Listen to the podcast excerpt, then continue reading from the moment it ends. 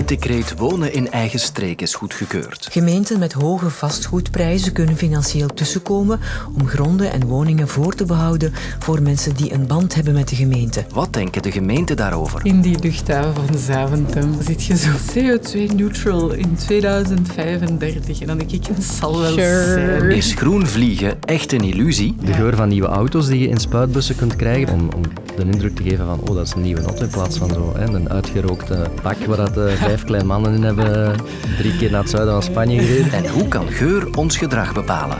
Lode Roels is de naam en ik ben je gastheer het komende kwartier. Welkom.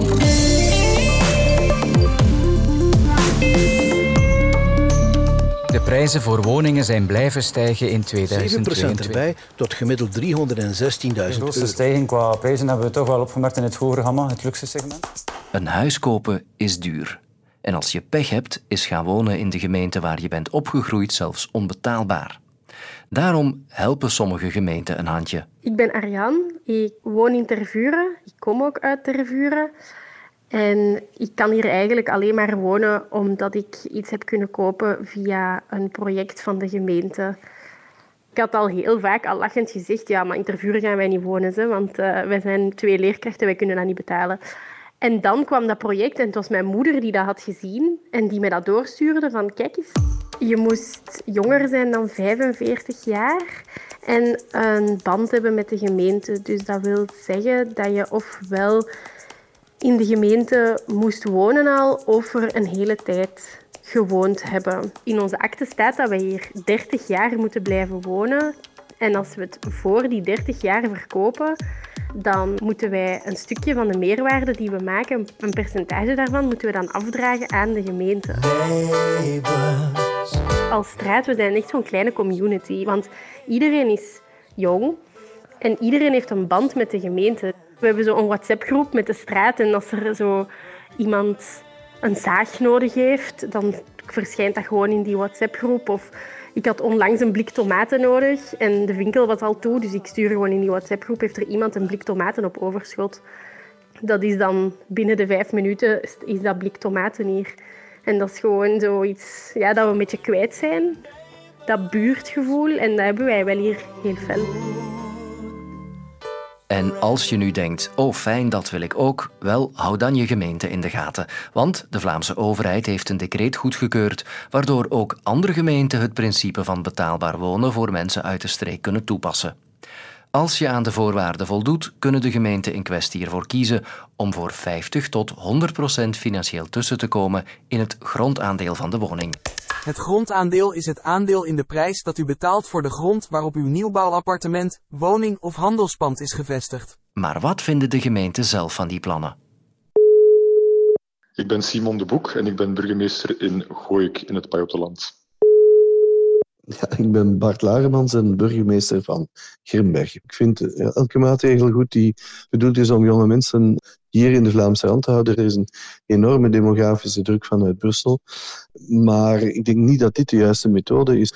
En daarmee wel eens een extra eh, verhoging van de verkoopprijzen kan teweegbrengen, omdat men zegt, ja, de gemeente betaalt toch een deel van de grond, dus we kunnen nog wat meer vragen. Ik kan me daar zeker in vinden dat daar eh, stimulansen voor gezocht worden. We krijgen regelmatig vragen van eh, jongeren die hier geboren zijn, die hier opgegroeid zijn, maar die ons vertellen, ja, wij moeten noodgedwongen uitwijken naar andere gemeenten om een betaalbare woning te vinden. Dus wij zijn zeker en vast geconfronteerd met die moeilijkheid. De vraag is dus groot, maar vinden de burgemeesters het haalbaar of zien ze andere oplossingen om wonen betaalbaar te houden? U moet weten dat wij als kleine landelijke gemeente uh, niet zomaar budget hebben om, uh, om daar financiering te gaan sturen. Hè. De manier waarop wij ons ruimtelijk ordeningbeleid sturen is eerder vanuit het vergunningenbeleid, waar we gaan kijken dat er op de juiste plaatsen gewoond wordt. En liefst in de centra en niet meer in de open ruimte, zodat we die kunnen vrijwaren. Dus wij staan mondjesmaat en gecontroleerd toe dat er uitgebreid wordt, dat er ook verlicht wordt, dat er meer woningen voor jongeren en voor alleenstaanden komen in de centra.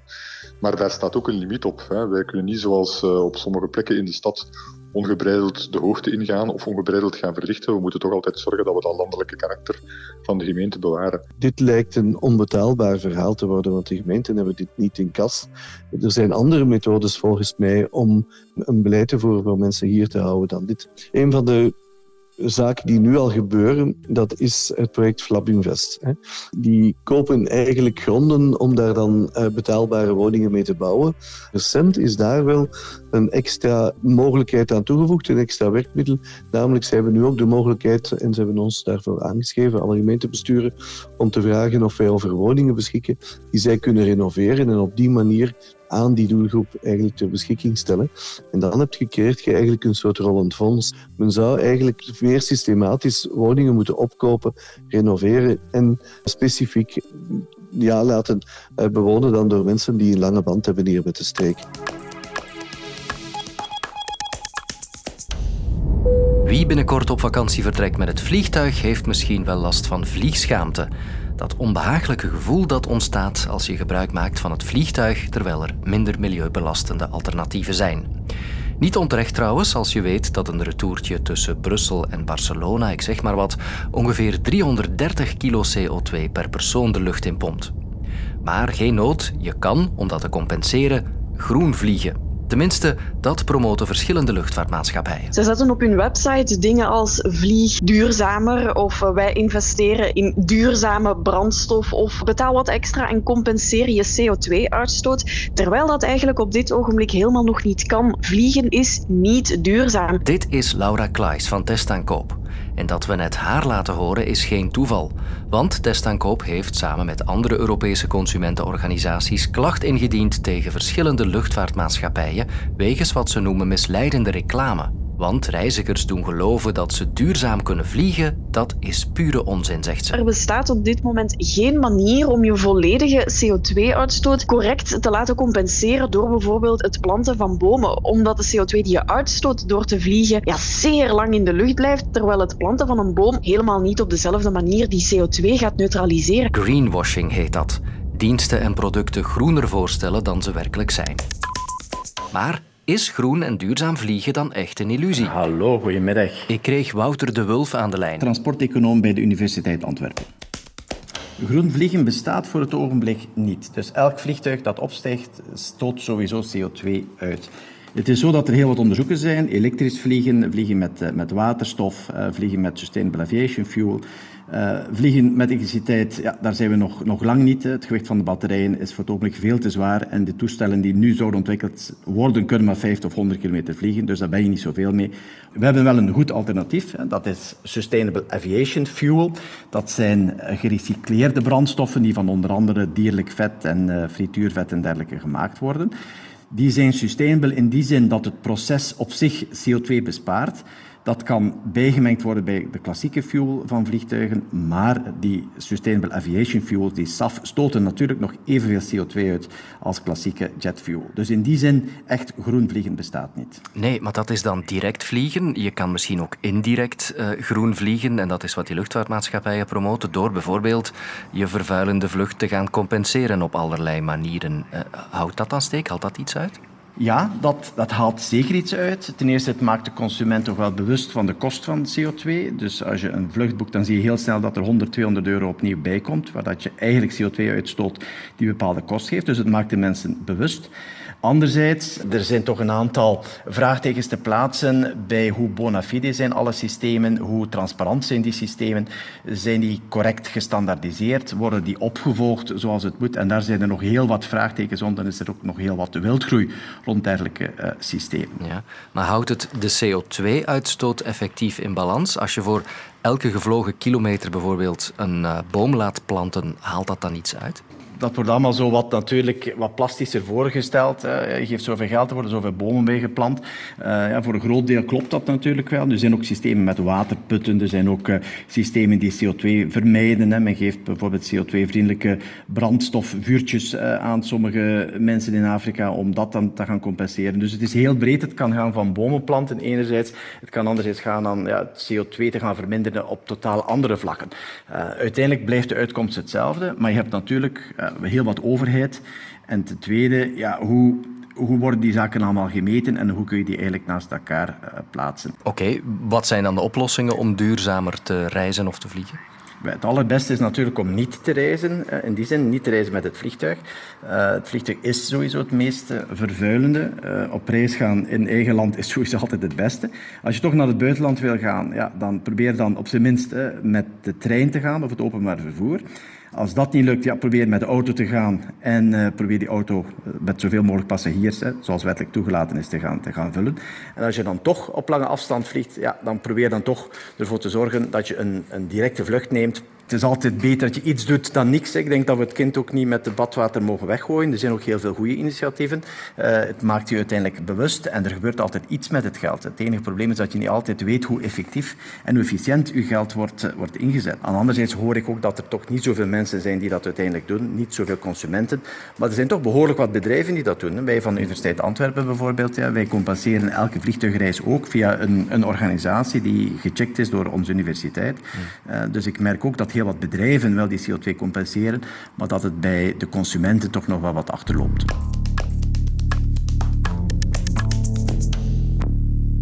Campagnes tegen zwerfvuil en sluikstorten, zo ken ik er wel een paar. Je neemt gewoon een stok, je pint het afval. Ik ben echt wel verknocht aan mijn eigen herbruikbare koffiebeker. En die neem ik altijd en overal mee. Ik ben in Mechelen aan de Dijlen en ik ga vandaag plajakken. We gaan zwerfvuil uit het water vissen. Mooimakers! Maar wat de stad Genk nu van plan is, dat had ik nog niet gehoord. Ja, hallo, goedemiddag, met Jan Verheijen. En hij is woordvoerder van OVAM en Mooimakers, het initiatief tegen zwerfvuil en sluikstorten, en dus helemaal mee met het plan. Wel, zoals veel lokale besturen, zoals veel steden en gemeenten, trachten zij de hoeveelheid zwerfvuil en sluikstort eh, terug te dringen. En een van de opvallende zaken die zij gaan uitvoeren is het plaatsen van vogelkastjes op plaatsen waar veel sluikstort veroorzaakt worden. En die vogelkastjes die verspreiden een citroengeur, een frisse citroengeur. Die idee is ingegeven door de vaststelling dat als je positieve associaties aan een plek verbindt, eh, zoals een aangename geur, dan gaat men veel minder geneigd zijn om zwerfvuil te veroorzaken. Hetzelfde merk je bijvoorbeeld bij een, eh, een supermarkt met een bakkerij waar de geur van vers gebakken brood naar men hoopt ook uh, klanten zal aanzetten om meer brood te kopen. Sluikstorten tegengaan met een frisse citroengeur dus. Mm. Het klinkt leuk, maar zal het ook werken? Hoe groot is de invloed van geur op ons gedrag? Vragen zijn dat voor Rick Doge, biologisch psycholoog aan de KU Leuven en de VUB. Geur heeft zeker en vast een heel grote invloed op ons gedrag. Maar alleenstaand gaat het nooit zulke grote impact hebben dat het voldoende is om een ingrijpende gedragsverandering te hebben. Het kan zeker en vast een kleine bijdrage geven.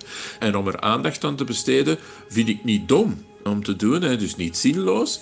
Maar om het alleenstaand te zien van we gaan het op die manier oplossen, ik denk dat uh, ja, sluikstorten bestrijden eigenlijk veel meer te maken heeft met ingrijpende gedrags- en attitudeverandering, die alleen maar manipulatie van de geur, vrees ik, niet kan veroorzaken. Gelukkig voorziet Mooimakers nog heel wat andere acties, want alleen met citroengeur zullen we er dus niet komen. Toch mogen we de impact van geur niet onderschatten. Wel, ja, ik zou willen verwijzen naar het voorbeeld dat we, wanneer we thuis binnenkomen, dat, zelfs zonder dat we daar eigenlijk goed van bewust zijn, dat de geur van ons vertrouwde huis ons onmiddellijk al in een bepaalde gemoedsgesteldheid uh, brengt. Hè, en dus eigenlijk ons uh, ja, op ons gemak stelt wanneer we binnenkomen. In bepaalde omgevingen worden we eerder ongemakkelijk. Hè, ge, ja, omgevingen waar onaangename of vreemde geuren hangen, die maken ons ongemakkelijk. Ja, zitten eten in een restaurant waar een rioolgeur hangt, dat gaat uw eetlust niet bevorderen. Hè? Dat is ook bekend. Dat wil zeggen, wanneer wij uh, geuren waarnemen, dat er eigenlijk rechtstreekse connecties zijn naar de emotionele centra in onze hersenen. Hè? En op die manier denken we dat geur eigenlijk van de zintuigen die we hebben, degene is die uh, het meest invloed kan hebben op onze emoties. We weten ook dat bijvoorbeeld mensen hun partner herkennen via de geur enzovoort. Dus uh, geur heeft een veel grotere invloed op ons gedrag dan we meestal vermoeden. En dat geur zo belangrijk is voor ons, valt evolutionair te verklaren. Wel, hoe, hoe komt het? Dat is waarschijnlijk omdat geur ons eh, ja, in, in onze evolutionaire geschiedenis uh, het oudste zintuig is dat er bestaat. Hè. Dus de, de waarneming van chemicaliën in de omgeving. En dus die geven al onmiddellijk en onmiddellijk contact naar uw hersenen. Dus terwijl andere zintuigen bijvoorbeeld langs andere schakelcentra moeten gaan, heeft de geurperceptie eigenlijk een rechtstreekse ingang naar de hersenen. Dus dat is een eerste verklaring op basis van de hersenwerking, zeg maar. Eh, een tweede is wellicht omdat het zo'n oud zintuig is, dat het een heel ingrijpende en belangrijke invloed heeft op, op ons gedrag, kan ons behoeden bijvoorbeeld om ons op hele ongezonde plaatsen te begeven, hè, waar een heel grote rottingsgeur bijvoorbeeld hangt. Daar blijven we beter weg, want dan kunnen we ziek worden. dus op die manier is het een zintuig dat ons al heel lang, in onze lange evolutionaire geschiedenis, behoedt voor gezondheidsgevaar. Ja, de geur van verse regen op een droge ondergrond, dat is wat ik hier stilaan begin te ruiken. Ik waag me naar huis in code geel. Morgen zit Sophie op deze stoel. Lucien van Impe kijkt rivaal José Manuel Fuente in de ogen, zeven jaar na zijn overlijden. Heeft de wielerheld zijn dood in scène gezet? Of is er iets aan de hand? Ontdek de podcast El Tarango in de app van VRT Max.